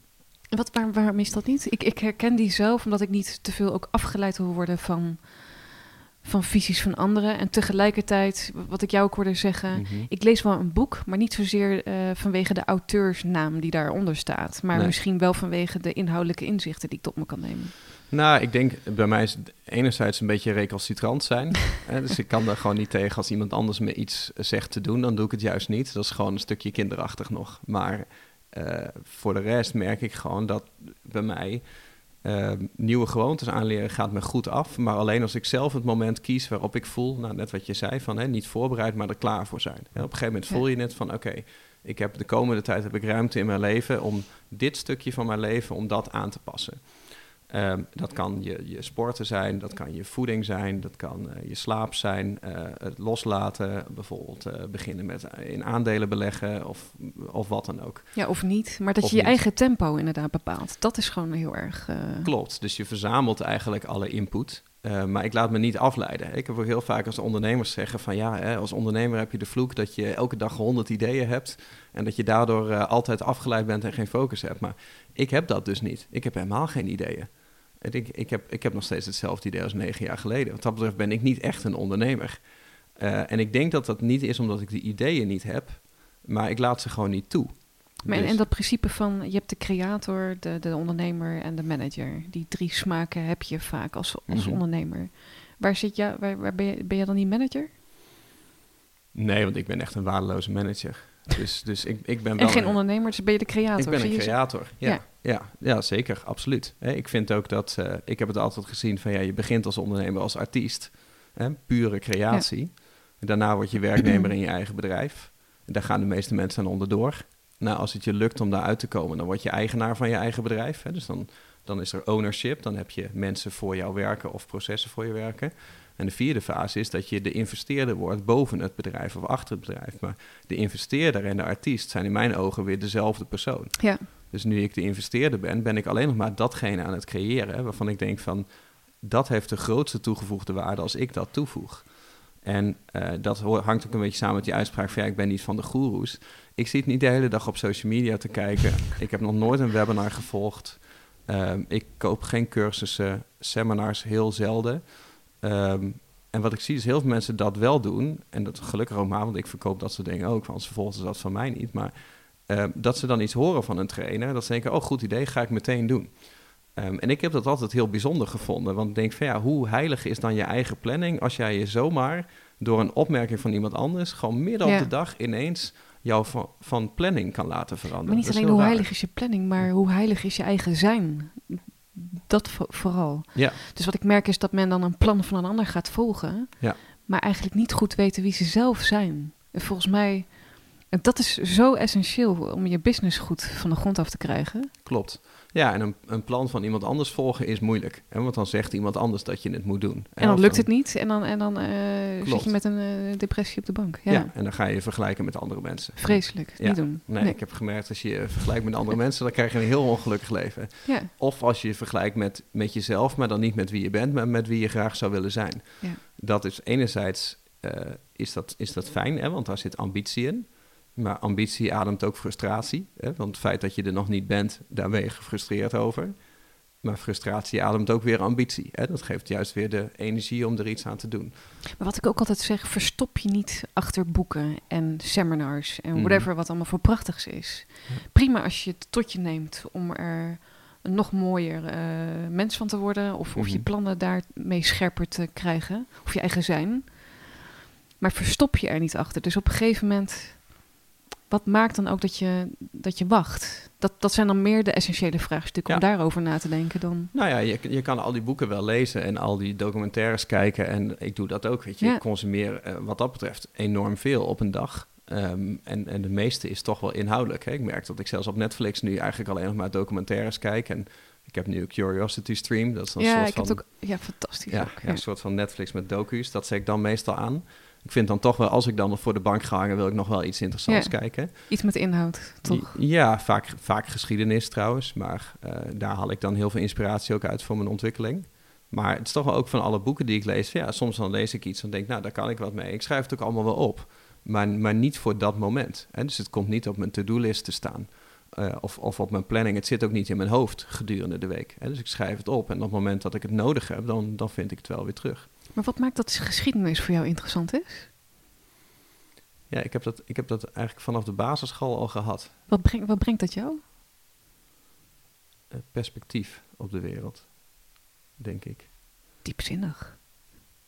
Ja, maar ja, het is, uh, mensheid is altijd zo naïef om te denken dat hoe het vroeger ging, dat we dat ontgroeid zijn, dat we niet meer zo zijn. Um, en dat is niet zo, want patronen herhalen zich constant door de geschiedenis heen. En als je dieper in de geschiedenis gaat en je bekijkt echt wat er nou echt precies is gebeurd de afgelopen 2000 jaar, uh, of afgelopen 5000 jaar, maar met name sinds de Romeinen. Denk ja, dan, ik vind Romeinen, dat vind ik fantastisch. Daar kan je me altijd voor wakker maken. Maar ik vind dat zo'n zo'n prachtige cultuur. Maar er zit, er zit ook zo vreselijk veel leed in en dingen die, die, waar je echt schande van zou spreken. Ehm, die we voor het gemak maar negeren. En ik vind het fijn om, om naar alle kanten te kijken. En ook hoe de, hoe de wereld zich veranderd heeft. Over wat letterlijk gewoon honderd jaar geleden nog, nog de norm was, wat normaal was. Wat, wat, wat nu al is, is veranderd. En uh, ik vind het fijn om dat ook een beetje te combineren met, uh, uh, met onderzoeken naar technologie. Hè, dus waar de wereld naartoe gaat. Dus ik kijk heel veel naar nanotechnologie, naar biotech, naar uh, artificial intelligence, de, de, Internet of Things. Want je bent ook aan de, bezig met het schrijven van je boek. Uh, Is daar iets van, mag je er iets over vertellen, over het onderwerp? Zit dat daarin ook, in dat boek? Of, nee, of is dat totaal iets anders? Nee, dat is een boek over webpsychologie. Dus dat is, dat is gedragspsychologie online. Hè, van ja. hoe zorg je ervoor als iemand op je website komt... dat hij ook datgene aanklikt wat jij wil dat hij aanklikt. Um, hoe krijg je, krijg je, maak je van een bezoeker een klant? Dus dat zit helemaal in, okay. in die hoek. Maar, je, ik, ik, maar, en, maar komt er ooit nog wel zo'n boek vanuit, uh, ja, wat, waar we het net over hadden? Uh, weet niet, ik weet niet of ik daar genoeg van af weet. Ik vind het fijn om het, om het te leren. Uh, maar ook omdat ik, ik vind het fijn om te kijken naar hoe de wereld eruit gaat zien. Ja. En deels ben ik heel actief in aandelen. Dus ik wil ook graag weten welke bedrijven over tien jaar uh, de dienst uitmaken. Zodat ik daar nu al ja. in kan kopen. En daar probeer ik het een beetje te combineren met enerzijds gewoon kennis wat ik leuk vind om te kijken met iets praktisch waar ik ook daadwerkelijk iets aan heb in mijn leven. Mooi, ja. Ja, en ook weer die voorspelbaarheid daarin uh, mm-hmm. zoeken. Dat hoor ik ook. Ja. Als je het hebt over aandelen en voorspelbaar en, en vooruitkijken, toekomstgericht. Ja, klopt. En ik bedoel, ik zal de laatste zijn die, eh, die de wereld zal voorspellen hoe het er over een paar jaar uitziet. Um, maar er zijn toch wel een hoop dingen die zich wel laten voorspellen. Hè? Dat is een heel interessant Zeker, boek van, uh, ik weet niet hoe die heet, maar De Wereld in 2100. Um, en dat is geschreven in 2000 volgens mij. Uh, en dat is simpelweg een auteur die ook heeft gekeken naar hoe heeft de geschiedenis zich ontvouwen de afgelopen uh, duizenden jaren en welke patronen herhalen zich elke honderd jaar. Ja. En dat heeft hij doorgetrokken. En er staan best wel veel dingen in dat boek. die inderdaad al zijn gebeurd. Hè? Ik zou ook de podcast luisteren met Christian Kromme, futurist noemt hij zich. Die mhm. vliegt de wereld rond met ja, zijn verhaal die over hetzelfde heeft. Dus, mhm. Maar eerst waren de sprongen wat, langdurig, uh, wat meer langdurig. En mhm. die, die, die cycli die worden gewoon steeds korter. Dat, dat is wat gebeurt. Ja. ja. ja. ja. Met een grotere impact dus ook. Klopt, exponentiële ontwikkeling, ja. ja. En dat vind ik interessant om te zien. Wat er hier alleen al in de afgelopen 50 jaar is gebeurd. Dat je gewoon als je terugkijkt van eh, de mensheid uh, een miljoen jaar geleden of twee miljoen jaar geleden. Dat je gewoon honderdduizenden jaren, soms een miljoen jaar lang eigenlijk geen, geen ontwikkeling zag in uh, hoe mensen leefden. Precies, en dat we nu gewoon in 50 jaar lijkt de wereld dan niet eens meer op hoe het er 50 jaar geleden uitziet. Dat vind ik fascinerend. Ja, mooi. We schieten alle kanten op, jongens. Wat vind je er tot nu toe van, uh, Tony? Ja, ik vind het leuk. Het is, het is lekker improviserend. We gaan inderdaad alle kanten op. Ja, ik hou er zelf van. Ik kan best wel op metaniveau praten, dus erboven hangend, kijken naar de wereld en zo. Dat heb jij, dat, dat heb jij ook, dat hoor ik ook aan je. Mhm. Ehm, maar goed, ik vertrouw er dan altijd op, daarover gesproken, dat de mhm. luisteraar zelf eruit haalt dat wat interessant klinkt. Mhm. Dus we hebben het net gehad over vasthouden, loslaten. Ja, we hebben zoveel besproken. Wat blijft jou nu het meest bij tot nu toe? Nou, um, ik, ik, kijk wat je er uiteindelijk gewoon een beetje uit wil halen. Wat ik altijd interessant vind, ook bij mensen, uh, als ik mensen zie waarvan ik denk, ja, die hebben iets, iets bereikt wat ik ook graag zou willen bereiken, of die hebben iets wat ik graag zou willen leren, dan, dan kijk je inderdaad vaak naar de, naar de patronen en naar gewoon hoe zij hun leven georganiseerd hebben. Ja. En, uh, dat, en dat kan je denk ik uit deze podcast ook wel een beetje halen. Hè? Er zijn een, een, aantal, uh, een aantal dingen die gewoon overheersen. En het verandert door de jaren heen. Maar ja, ik ben, ik denk, ben denk ik echt wel, wel een diesel. Hè? Dus gewoon uh, veel kennis verzamelen, veel leren, veel denken. Um, en gewoon als het mij uitkomt, op het moment dat ik er klaar voor ben, dan iets in praktijk brengen. Um, en vroeger was dat uh, heel simpel, van dan ging ik het zelf, ging ik het zelf doen.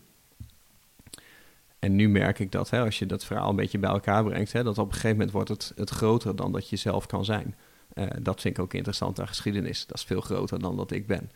En, dat, en ik vind het ook een hele relativerende werking hebben op mijn eigen leven. Als je ziet hoeveel mensen er al zijn geweest en hoeveel mensen er nog gaan komen. En dat helpt mij ook in bijvoorbeeld het bouwen van bedrijven. Van, hè, in plaats van in mijn ene bedrijf gewoon achter mijn eigen laptop het, het werk zitten te doen, zit ik nu veel meer in een modus van ik kijk gewoon elke maand van oké, eh, welke resources heb ik tot mijn beschikking? Dus tijd van mezelf, maar ook tijd van anderen, uh, energie, uh, geld, netwerk, samenwerkingen, zo breng ik alles in kaart. En het doel is eigenlijk om elke maand die resources zo in te zetten dat ze meer waard worden. En tegelijkertijd een zo klein mogelijk risico te lopen dat ze minder waard worden. En dat is eigenlijk die strijd tussen genot winnen, meer waard worden en verliesaversie. Hè, de pijn dat het minder wordt. En dat, dat zie ik in mijn aandelenportefeuille. Uh, met investeren in andere bedrijven. Uh, dat zie ik in, uh, in, mijn, in mijn eigen bedrijven. En, uh, en op alle aspecten van mijn leven. En, en uh, dat is ook, daarvoor heb ik een stichting opgezet met mijn broer. Uh, om ook eigenlijk datzelfde principe daarop toe te passen. En dat is interessant, dat wij wilden altijd al wel iets voor het goede doel doen. Maar wij merkten van, oké, dan moeten we elke keer weer opnieuw verzinnen. Welk goede doel gaan we dan steunen en hoeveel ga je dan overmaken? En wat gebeurt er dan precies met dat geld? We dachten van, ja, wij gaan ook geen impact maken met af en toe een overboeking. Als we impact willen maken, dan zullen we onze goede doelenstrategie net zo moeten runnen als dat we ons bedrijf runnen. Want mijn broer heeft ook een aantal bedrijven. Um, en dat was eigenlijk een heel interessante uh, openbaring voor ons beiden. Van hè, wat nou als we onze eigen stichting opzetten, maar we gaan hem runnen zoals we ook onze business zouden runnen. Hè, dus we zetten er een abonnementsmodel op, we gaan uh, klanten werven, hè, of dat zijn of dan donateurs. Yeah. En we gaan uh, die projecten gaan we ook insteken zoals we de projecten insteken met onze eigen business. Maar dan noem je het dus wel een project. Dan wordt het een project. Dus dat, dat woord komt wel gewoon af en toe uit je mond. ja, ja, tuurlijk, tuurlijk. Uh, ja, natuurlijk Ik denk als je erbij stilstaat, uh, Tony, dat, mm dat is zo'n beetje alles wat je... Wat, natuurlijk heb je, je hebt het proces wat ongoing doorgaat. Mhm. Maar ook binnen een project heb je dan weer een proces. Dus je kunt ook zeggen, het hele leven is een project. Maar ook dat alles uit projectjes, projecten bestaat. Uit, mhm. hè, vanuit de activiteiten die je verricht vanuit je, vanuit je business. Ja, klopt. Alleen ik ben, ik ben altijd denk ik iets meer wars van... Uh, van uh, dat soort jargon. Dat jargon... En ook hoe mensen dat insteken. Ja. dat is net als, uh, als mensen aan me vragen van... ja, heb je nog uh, goede time management boeken? En denk ja, Daar heb je, daar heb je niks aan, aan time management boeken. Sorry dat ik het zeg. Ja, het boek Focus van Mark, dat, daar heb je wat aan. Maar Getting Things Done en, en al die methoden en die lijstjes en de A-taken en de B-taken en de prio en de niet voor nu. En denk, mensen zijn alleen maar planningen aan het maken die ze nooit gaan uitvoeren. En denk dat zo, zo, werkt zo werkt het helemaal niet. Denk, dus jij hebt ook geen planning? Nee. Nou, globaal. Um, je hebt zeker wel structuren, denk ik, met, met overleg. Of, of, zeker, zeker. We hebben wel terugkerende momenten. Um, en we hebben ook wel projecten, maar die zijn veel minder gedefinieerd. Hè? Dus uh, bij mij is bijvoorbeeld uh, fitness is een project, maar dat project dat is, heeft geen einde. Dat duurt al vier jaar. En het project is ook niet elke keer even, even spannend. Ik, maar en dat vind ik dan uh, dus een kort voorbeeld. Mm -hmm. Fitness, project. Ja. Zit geen einde aan, want het gaat maar door. Mm -hmm. Dus dan is het eigenlijk ook geen project, zeggen ze dan vanuit de boekjes. Hè? Ja. Maar wat nou als je het als een als je naar je tussentijdse mijlpalen kijkt. Want die mhm. zijn super belangrijk. Want als je bezig bent met een vierjarig iets, dat, dat, ja, dat is zo ver weg. Mhm. Dus we hebben ook als mensen nodig dat we dus dat doel dichtbij zetten voor onszelf. Mhm. Dus met je fitnessprogramma kan ik me voorstellen dat je wel heb, afspraken hebt gemaakt van nou, op een bepaald moment wil ik daar staan. Dat is mijn mijlpaal die ik heb behaald. Als een klein mini-projectje, zullen we maar zeggen. Nou, dat hebben we wel een paar keer gedaan. En daar zijn we toevallig ook nu mee bezig. Zijn we vanochtend gestart. Dus we hebben vorige donderdag hebben we de before-foto gemaakt. En over zes weken gaan we de after-foto. Maar ik moet eerlijk zeggen dat mijn trainer dat heel graag wilde. en dat ik dacht van nou, dan gaan we dat een keer doen. Komt hij ook op Instagram? Uh, het ligt aan hoe goed hij is. maar... Uh, Nee, het gaat, het gaat wel goed. Maar dat, in principe past dat minder bij mij. Alleen dat is, dat is, een, dat is wel een mooi voorbeeld, denk ik. Hè. Fitness is bij mij een, niet zozeer een project, omdat ik denk van dat is gewoon iets wat altijd onderdeel van mijn leven moet zijn. Ja. En dat is in onze business is dat ook. Hè. We proberen een heleboel. En er zijn een aantal dingen van besluiten dat zal altijd een onderdeel van de business zijn. Dat zal er altijd of moeten zijn of moeten groeien. Precies. En dat kaderen we veel minder af. Dus dat is veel meer uh, op gevoel dat je denkt van wij willen door, dat blijft zich doorontwikkelen. Door, doorontwikkelen. En dat is bij mij bij fitness is dat ook. Alleen nu is het dan inderdaad een, een mini-project van zes weken. Um, en dan, daar worden wel targets gesteld. Hè? Dus dat wordt opmeten en uh, voedingsschema's en trainingsschema's. En dat is wel echt perfect afgekaderd. En de reden dat ik dat, dat soort dingen wel doe, um, is omdat het me uh, een, een, een, nieuwe standaard laat ervaren. Hè? Nieuwe gewoontes creëert. Hè? Dus ik kan die zes weken, ga ik heel hard trainen, ga ik mijn voeding helemaal perfect doen en mijn stress en mijn slaap. Want we willen het maximale resultaat. Mhm. Ik weet nu al dat ik dat na zes weken, dan, dan stopt het. Ik ga de dag daarna op vakantie naar Amerika. Nou, dat gaat niet goed zijn voor het, voor het vetpercentage. Nee. Maar, dan heb je dus een nieuwe gewoonte, Tony. Maar, maar wat brengt dat jou? Nou, het, het brengt je dat je, je gaat uh, een, gedurende een bepaalde periode ga je verder dan dat je uh, uit je, vanuit comfort zou gaan. Ja. Ehm, dus eh, waar ik op hoop is dat er een aantal nieuwe voedingsgewoontes uitkomen van ik dacht van nou, die bevallen mij eigenlijk wel goed. Nu ik ze een paar weken lang heb moeten doen. Maar voedingsgewoontes die ik waarschijnlijk niet had gedaan als ik geen druk had gehad en ze gewoon uit vrije wil had willen doen. Ja, dus er moet altijd wel een bepaalde pijn en urgentie en verlangen zijn. Ja, en dat is, en dat is heel persoonlijk. Want ik heb bijvoorbeeld geen, geen wilskracht, helemaal niet. Dus als uh, mijn trainer komt drie keer in de week, maar die komt dan om een uurtje of acht ochtends. Nou, dan sta ik uh, met mijn sportkleren en schoenen aan, sta ik gewoon in mijn eigen home gym. En dan sta ik een beetje voor het raam te wachten of die er al aankomt. En soms is hij tien minuten te laat. En dan denk ik, nou, misschien komt hij wel niet. En denk, hij komt het eigenlijk altijd. Het valt altijd tegen. Maar, maar ik denk, als hij niet zou komen, dan 99% kans dat ik niet zou gaan sporten. Terwijl ik er al, ik sta al in mijn home gym met mijn sportkleren al aan. Ik zou ook niet eens een beetje gaan sporten. Ik heb dat gewoon niet. Hmm. Maar ik vind het wel belangrijk. Dus in die zin pak ik dat projectmatig aan. Door de dingen die ik van mezelf niet doe, om die buiten mezelf om te, te plannen. En dus daar heb ik dan iemand voor die erop toeziet dat ik dat, ik dat doe. Um, dus in die zin werk ik wel met projecten, maar in grote lijnen niet. Nee. Ja, ik vind het zo interessant. Ik merk een hele erg allergie op het woord projecten. En het, mhm. gebeurt massaal. Hè? Uh, mm 2027 verwachten ze 90 miljoen vacatures op gebied van projectmanagers wereldwijd. Ja. Dus schijnbaar is het wel een vorm in de chaos van de wereld om een stukje ordening aan te brengen, om toch targets, uh, die, dat kader neer te zetten in een bepaalde tijd, mhm. dat je dus je targets behaalt, whatever wat het is. En hoe je het ook organiseert. Maar dat, maar dat het toch een soort van, ja, kijk, mij geeft het voldoening. Mm rust, overzicht. Ehm, zit ook een controlecomponent in voor mij, omdat ik dan daardoor ook overzicht heb. Misschien is het een, ja, dus een soort van schijncontrole natuurlijk. Mhm. Maar Mark Lammers, die sprak ik een paar weken terug, ook in de podcast te beluisteren. Mhm. Hij zegt, hokje zonder doelen, mhm. ja, dat bestaat niet. Dan hadden wij nooit uh, goud gewonnen hè, op de mhm. Olympische Spelen. Dus dat heb je gewoon nodig, klaar. En dat kader is dan ook dat veld waarbinnen die spelers hun ding doen. Ja, klopt. Nou, in de sport snap ik dat. Op, op kantoor snap ik dat ook heel goed. Ehm, want ondanks dat wij een hele vrije cultuur hebben, niet iedereen is in staat om zijn werk te managen. Nee, of te organiseren. klopt. niet iedereen kan even goed met vrijheid omgaan. En net zoals ik dat met sport heb, hebben ook heel veel mensen dat misschien met een minder leuke taak in hun werk. Ik heb dat in mijn werk niet, maar dat komt omdat het mijn business is. Dus ik doe het voor mezelf. Ehm, dus natuurlijk zitten daar wel lijnen uh, in. Nou, projectmatig werken lijkt mij, zeker als een bedrijf groot genoeg wordt, dan wordt dat heel erg essentieel. Dat, dat merk je in mijn eigen bedrijf ook wel. En nu het groter wordt, is dat gewoon nodig. Alleen uh, dat betekent niet dat de helft van het personeelsbestand uh, manager of projectleider moet zijn. En ik weet dat mensen daar een beetje gevoelig voor zijn. Hè? Als mensen maar een klein beetje een managementtitel kunnen krijgen, dan staat het uh, eh, 30 seconden na het evaluatiegesprek staat het al op hun LinkedIn-profiel. en denk, ja, ik heb dat ook wel meegemaakt hoor in bedrijven, dat er echt een poppenkast ontstaat van mensen komen binnen. Bijvoorbeeld mensen komen binnen op een salesafdeling, je, uh, je belt, je doet sales. En dan uh, bij het eerstvolgende evaluatiegesprek na zes maanden, ja, ik wil wel zo snel mogelijk uit de uitvoer. En ik wil naar het management. En dat zeggen ze allemaal. Ik ben echt allergisch voor dat zinnetje. Ik wil zo snel mogelijk uit de uitvoer.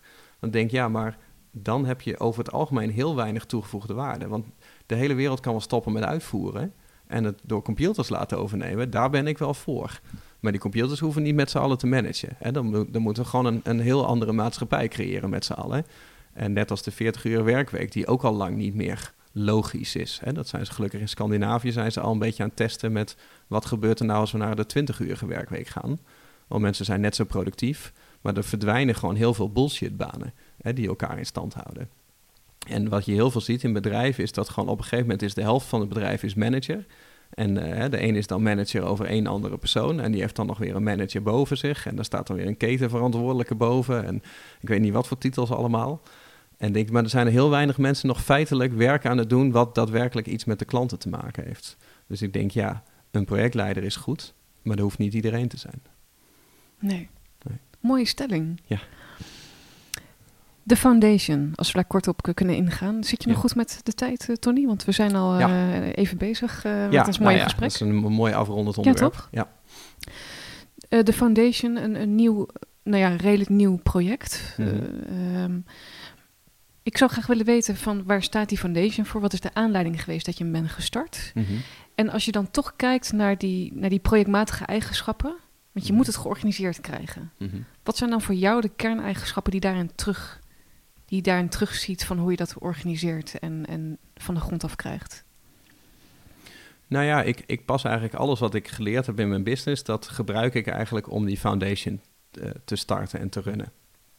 Dus um, als ik nu een foundation zou starten zoals ik mijn bedrijf ben gestart, dan zou ik zelf daarin gaan werken. En dan zou ik dat met mijn, met mijn eigen geld zou ik dat gaan doen. En dan um, zou daar heel veel uren in gaan. En ik merkte dat, dat er, dat komt er weinig van. Ik had daar op een gegeven moment met mijn broer over. We waren op vakantie. En we hebben heel vaak onze beste ideeën als wij uh, buiten onze eigen uh, omgeving zijn. En dan hadden ze iets van, ja, goede doelen. Hè, we gaan steeds meer verdienen, we krijgen steeds meer vermogen. Nou, we zien die patronen ook wel doorgaan. Denk, nou, hè, wat, wat wordt onze goede doelenstrategie? Want wat, wat maakt dan dat je überhaupt aan een goed doel denkt? We, het gaat goed, dus gaan we denken over een goede doelenstrategie. Nou, dat op een gegeven moment uh, komt, komt dat voorbij van hè, wat, wat wil je daarmee? Wil je daar überhaupt iets mee? Past natuurlijk wel in de purpose economy, die, uh, die beweging die nu opkomt. Ja, maar ik, ik, wij hadden een, een gesprek um, waar het een aantal andere kanten belichtte. Waar we in twijfel zaten van wat moeten we er überhaupt mee? Hè? Want we hadden zoiets van oké, het is goed om iets voor goede doelen te doen. Uh, maar je vraagt je altijd af wat er dan vervolgens met dat geld gebeurt. Van, hè, dat is een onzekerheid, daar hadden we het over. Daarnaast hadden we het over van oké, als je dan doneert aan een goed doel. Uh, mijn, mijn oudste broer had een keer een mooie uitspraak die zei... een echte gullegever is anoniem. En denk, ja, daar zit, daar zit waarheid in. Hè? Dus als jij geld geeft en je, en je moet per se je eigen naam erbij hebben... en je moet er applaus voor hebben... deed je het dan voor het goede doel of deed je het dan voor jezelf? Uh, maar als jij 100% anoniem stort, dan deed je het echt voor dat goede doel. Alleen ik had dat met mijn broer over. Zei, ja, dat zouden wij eigenlijk willen. Volledig anoniem bijdragen. Maar dan zou het vanuit ons moeten komen. En wij kunnen het veel groter maken dan dat wij zijn. Want als we het net zo zouden runnen als dat we onze bedrijven runnen, dat betekent dat we het bedrijfsmatig gaan aanpakken. Dus dat we uh, sowieso op lange termijn iets gaan doen. Dus hebben we gezegd van nou, de komende 30 tot 40 jaar willen wij eigenlijk bouwen aan onze goede doelenstrategie. Dus dan doen we dat maar direct in een eigen stichting. En dan beginnen we gewoon met, met de eerst mogelijke praktische stap die we nu zouden kunnen doen. Hè? Dat was gewoon één goed doel uitkiezen waarmee wij verbonden zijn. Mhm. En vanuit de stichting dat financieel per maand gaan sponsoren. En dat was dan een project van Oxfam voor microkredieten voor ondernemers in, uh, in kansarme gebieden. Uh, en dat ligt heel dicht bij ons, want wij weten dat ondernemerschap heeft ons eigenlijk alles gebracht in ons leven. Um, dus in plaats van alleen maar uh, alle mogelijke goede doelen te steunen, dachten we gaan specifiek focussen op ondernemers. En het liefst ondernemers zo faciliteren dat ze ook echt verder komen. En wat Oxfam deed, of nog steeds doet, is microkredieten, wat dan leningen zijn. Hè. Dus zij lenen dan bijvoorbeeld 50 dollar aan iemand. En nou, daar kan je letterlijk een, een naaimachine van kopen. Uh, vervolgens start je daarmee een naaiatelier en die 50 dollar die moet je wel weer terugbetalen. En op het moment dat je die 50 dollar terugbetaalt, dan krijg je nog een keer een lening van 100 dollar. En als je die terugbetaalt, krijg je nog een keer een lening van 150. Maar die 150 krijg je alleen op voorwaarde dat je inmiddels bijvoorbeeld als je kinderen hebt die naar school hebt gestuurd ondertussen. Nou, zo zijn een aantal voor, voorwaarden. En dat vond ik heel mooi structureel, klein proces eigenlijk. Hè, om ondernemers echt vanaf de eerste euro's of dollars op te leiden totdat ze helemaal zelf in staat zijn om hun eigen business te runnen en winstgevend te maken. En dan zijn zij vervolgens ook in staat om hun directe omgeving van vrienden en familie en aan de lokale economie, om dat te bevorderen. Ja. En dat was voor ons een heel logisch project. Ik denk, dat gaan wij doen. Uh, dat gaan wij gewoon per maand financieren. En dat gaan we de komende jaren, elke maand gaan we dat opschroeven. Want hoeveel te meer wij uitgeven daaraan en hoeveel te meer contact we hebben en hoeveel te langer we dit doen, des te groter de kans dat wij uh, dieper in die organisatie van Oxfam komen en dat we op een gegeven moment ook mee kunnen op reis naar die projecten om zelf te zien van wat gebeurt daar. En dat was voor ons eigenlijk gewoon heel simpel, heel klein. Eén stichting, één projectje, beginnen met een klein bedrag, maar dan is het wel structureel. En als je dat 30 jaar lang blijft doen, dan heb je al een enorme impact gemaakt. Ja. En vervolgens, nu dat staat, zijn we gaan kijken van, dan kunnen we het nu groter maken dan onszelf. Nou, toen zijn we het net als uh, dat ik mijn software verkoop voor maandabonnementen, hebben we ook gewoon een maandabonnement voor het donateurschap op uh, de stichting gezet. En nu kan ik in al mijn marketinguitingen aan ondernemers zeggen van... hey, voor 19 euro in de maand word je lid van de Loorbach Foundation. Dan hoef je zelf niet meer na te denken over je goede doelenstrategie... maar dan stort je standaard per maand. En dan gaan wij daarmee de hoort op. Want wat ik daarmee hoor, jullie weten scherp eh, wat de aanleiding is... dat je de mhm. foundation bent gestart. Ja. Wie, wat, waarom mhm. is scherp. Niet voor jezelf, maar voor die ander. Mm maar het vraagt ook andere dingen die heel veel mensen niet voor elkaar krijgen. Mhm. Eh, dus je start een foundation, maar er moet van alles komen, ook aan kennis, dus buiten jezelf om. Ja, klopt. Hoe zet je dat naar je hand? Dat weten we nog niet. Dat is, oh. um, nou ja, kijk, uh, dit zijn projecten waarvan ik denk van... wij hebben geen ervaring in, in de goede doelenwereld. Um, ik ben niet zo naïef dat ik denk dat ik de wereld kan veranderen. Ik kan de wereldarmoede niet oplossen. Nee. En ik kan niet iedereen helpen. En ik wil ook helemaal niet iedereen helpen, want dat zou heel raar zijn. Hè? Dat zou ook ten koste gaan van de mensen helpen die het dichtst bij me staan. Denk, Je bent in eerste instantie verantwoordelijk over jezelf en de mensen die heel dicht bij jou staan. En, en dat is voldoende, dat is, dat is prima. En als jij meer mogelijkheden hebt, Ehm, dan is het fijn dat je ook meer kan doen. En, en dat is het fijne van ondernemers. Hè. Natuurlijk wordt vaker bekritiseerd uh, in de media mensen met hoge inkomens en uh, dus mhm. de, de, de, de, sterkste schouders, de zwaarste lasten. Maar je wil niet weten hoeveel echt rijke mensen doen voor de maatschappij en hoeveel ze teruggeven.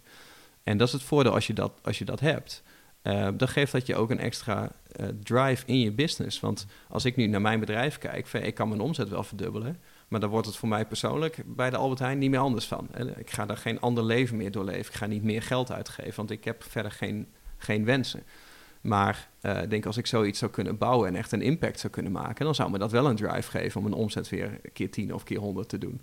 En in maar die bel je dan ook mensen op die je niet kent of via, via uit je netwerk om, om eh, je volgende stap te kunnen zetten met het uitbouwen van zo'n foundation? Ja, dus het gaat stap voor stap. Dus Ja. we kijken gewoon van, oké, eh, we weten waar we het over 30 jaar willen staan. Nou, dat is nu nog heel vaag en onbereikbaar. Hmm. Dus dan gaan we kijken van, wat zijn nu de, de meest kleine praktische stappen die we nu al zouden kunnen zetten, eh, die in ieder geval moeten gebeuren.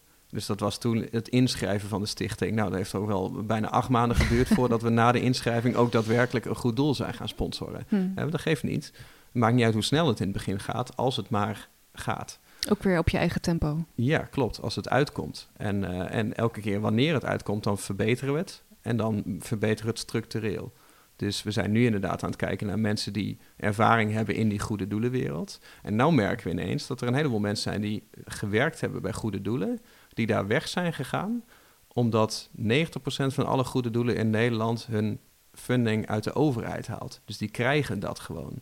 En die gaan er ook als zodanig mee om. Van nou, dat geld dat krijgen we gewoon ieder jaar. Ja, ja. Dus daar hebben we helemaal geen binding mee. Dus dat maken we gewoon weer over of dat gooien we gewoon over de balk. Maar daar zit geen ondernemersgeest achter hè, om iets structureels te bouwen. En dan merk je dat de mensen die die ondernemersgeest wel hadden in, bij goede doelen, dan ineens aangetrokken worden door wat wij willen doen, omdat wij het als ondernemers willen gaan runnen de komende jaren. Ja. Dus het komt op de een of andere manier nu wel op ons pad. Mooi. En eh, dan is het gewoon stap voor stap en het wordt er steeds groter. En ik heb nog geen idee wat ons dat gaat brengen. Nee, dat is dan weer het volgende project. Ja, klopt. Maar ja, we lopen vanzelf weer ergens tegenaan. En eh, dan zullen we dan zien van... eh, oké, een, een obstakel, dat moeten we gaan overbruggen. En dat, en dat hoeft inderdaad niet meteen. Dat, dat komt wanneer het komt. En dat is het fijne van elk project. Weet je? Ja. Als jij zegt van ik wil nu binnen een jaar eh, succesvol worden of binnen een jaar rijk worden, dat is best wel moeilijk. Dat is Ja. waarom de meeste mensen zich op de bitcoins en zo storten. Of naar de loterijen. Mensen willen allemaal binnen een week miljonair zijn. En als de kans eh, niet aanwezig is, zoals bijvoorbeeld hè, van koop dan niet een bitcoin, maar koop eens een aandeel Tesla, ik noem maar iets. Ja. Eh, Want dan heb je de kans dat je over tien jaar rijk bent. Dan denken mensen, oh ja, tien jaar is wel lang. Dat Ja. doe ik niet. Het moet wel binnen Ja, nu. absoluut. Ja. Het is, eh, ja. En denk maar, als jij jezelf echt twintig jaar de tijd geeft om een doel te bereiken, dat is niet zo moeilijk. Het enige wat je nodig hebt is, eh, is geduld en eh, resources die je die twintig jaar lang niet ergens anders voor nodig had. Dus bijvoorbeeld tijd, geld of energie, die je makkelijk kon missen in die periode. Ehm, en kennis. Hè? Dus de kennis om, om daar uiteindelijk te komen waar je moet zijn. Maar die kennis die kan je ook in de loop der tijd vergaren. absoluut. Dus dat is het, eh, dat is het plan. Het is ook wat Bill Gates eh, zo mooi zegt. Hè? Van we, we overschatten wat we in een jaar kunnen doen en we onderschatten wat we na tien jaar hebben kunnen Ja, bereikt. Klopt, Ja. ja. ja. Ja. Dat is precies. Dat is ook een van jouw voorbeelden, hè? Bill Gates. Bill Gates is een voorbeeld voor mij, ja. ja. Dus hij is geen goeroe. Nee, een voorbeeld. Ja, klopt. ja, ja. Ja, precies. Maar is dat dan ook dat je hem zijn gedrag volgt? Of, of is dat niet, gaat dat niet zo ver? Nee, ik vind eh, wat hij met zijn stichting doet, vind ik, vind ik een mooi voorbeeld. Omdat dat ook lijkt op wat wij uiteindelijk willen. Hè? Dus dat hij gewoon, eh, hij heeft zijn, zijn business succes gehad. Hij heeft zijn eh 80 miljard aan vermogen. Ja. En eh, dat zit allemaal in die foundation. En hoe hij dat aanpakt. En dat kan je in die docu van hem op Netflix heel ja, goed dat is zien. prachtig. Ja. Ja, dat hij, hij is ook niet gewoon maar geld aan het overmaken naar iedereen. Hij kiest zijn projecten uit en dan Ja. bijt hij zich er helemaal in vast. En hij vindt het ook fantastisch om dat dan helemaal te doorgronden. En dan wil hij bijvoorbeeld eh, polio de wereld uit helpen. En eh daar had hij helemaal uitgelegd hoe hij dat dan helemaal uit de wereld wilde halen. En toen zegt die interviewer van, nou, wat, wat inspirerend dat je dit doet. En hij zegt dan van, ik wil helemaal niet inspirerend zijn. Zeg maar, waarom doe je het dan? Optimization, zei hij. Ja. En dat, dat vond ik zo mooi. Ik denk van, hij doet dat omdat hij gewoon uitgerekend heeft dat het goedkoper is om polio helemaal de wereld uit te halen, dan om dat de komende jaren elke keer te blijven genezen. Ja. Dus, dus hij kiest dan voor de goedkoopste en de meest efficiënte optie om dus een ziekte de wereld uit te helpen. Ja, en dat wat, vind ik wat, prachtig. Ja, en wat Ja. dan mij ook daarbij opvalt is dat hij zo daarin zijn eigen eh, drive, eh, heeft zo zijn eigen drive, Ja. dat het ook, ja, dan, dan doet hij er alles voor. Maar er zijn ook heel veel projecten natuurlijk gesneuveld. Ja, klopt. Ja, ja maar, dat, maar dat is bij het business ook. Ja, Weet je, je- Hoort erbij. Niet, niet alle producten doen het goed. Dat heb je als investeerder ook. hè. Als Die risico's, eh, die Nou horen erbij. Ja. Ja, als je, in tien aandelen investeert of in tien bedrijven. Ik bedoel, eh, ja, vier eh, maak je verlies op, vier, vier draai je kiet en twee heb je pareltjes als je het goed doet. En als je dat weet, dan, uh, dan kun je maximaal winnen op die, op die twee pareltjes en de rest houdt elkaar in stand. Maar in het begin weet je van die tien niet welke twee de pareltjes gaan zijn en welke de verlies gaan geven. En dat is met, met business ook zo. Dus, dus dat, dat zou met goede doelen is dat ook helemaal niet raar. Maar dat geeft niet. Want als je maar één keer geld overboekt aan een goed doel en het mislukt, dan is dat een verliespost. Maar als jij 20, 30 jaar lang bouwt aan allerlei projecten en je komt wel verder en je leert wel, dan is ook een falend project is in principe geen verliespost. Ja, mooi gezegd. Ik wil je heel erg uh, bedanken uh, ja, dat je te gast was in mijn podcastshow. Ik zit hier aan de fantastische uh, Herengracht hier in Amsterdam. Mm -hmm. Ja, wat, wat neem jij voor jezelf nu mee, achteraf gezien? Waar je eerst niet echt een idee had van, ja, projecten, podcast. Ik weet het eigenlijk niet echt precies. Nou, ik vind het sowieso een leuk gesprek, wat, wat alle kanten op gaat. Het is altijd fijn als je gewoon verschillende interesses kan delen. En ik heb altijd een beetje de vraag van, hè, wat heeft een luisteraar hier nou precies aan? Wanneer je niet een concrete tip geeft, maar je gaat gewoon alle kanten op. Maar ik denk een goede verstaander haalt er wel uh, de patronen uit. Hè, en hoe je denkt en hoe je werkt. En uh, het inderdaad voor de podcast even over. Van ja, projecten, dat is inderdaad uh, niet mijn ding. Maar bij mij is dat meer van, ik ben niet zo van, van het jargon van het corporate jargon. Ja, want ik hoor wel degelijk dat alle eigenschappen mhm. door je dagelijkse activiteiten heen zitten. Je mhm. noemt het alleen niet zo. Nee. Dus dat vind ik ook mooi. Ja. Dat alles is georganiseerd, alles organiseer je om ergens toe te komen. Dus ja, die eigenschappen zitten erin. Ja, nou, iedereen organiseert zijn leven wel op een bepaalde manier. Zelfs totale chaos is een vorm van organisatie. Ja, Alleen uh, wat, wat bij mij altijd wel is geweest, is dat ik gewoon fijn vind om echt structureel te bouwen. Eh, niet op het allersnelste tempo, maar uh, gewoon consequent. En de dingen die goed gaan, die blijven vaak bij mij. En ik denk dat het daar verschilt. Hè. De meeste mensen leren heel snel goede gewoontes aan, maar leren ze ook weer af. Of starten succesvolle bedrijven en laten ze weer failliet gaan. Of starten succesvolle nou, projecten of producten.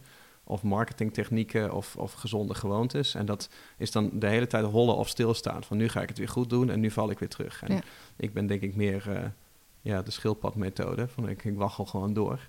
En ik pak mijn goede dingen op onderweg. Maar ik negeer ook een heleboel. En dat is een beetje het patroon. Ja. Consistentie hoor ik ook. Ja. Vasthouden. En, loslaten. En loslaten. Tony, dankjewel. Gedaan.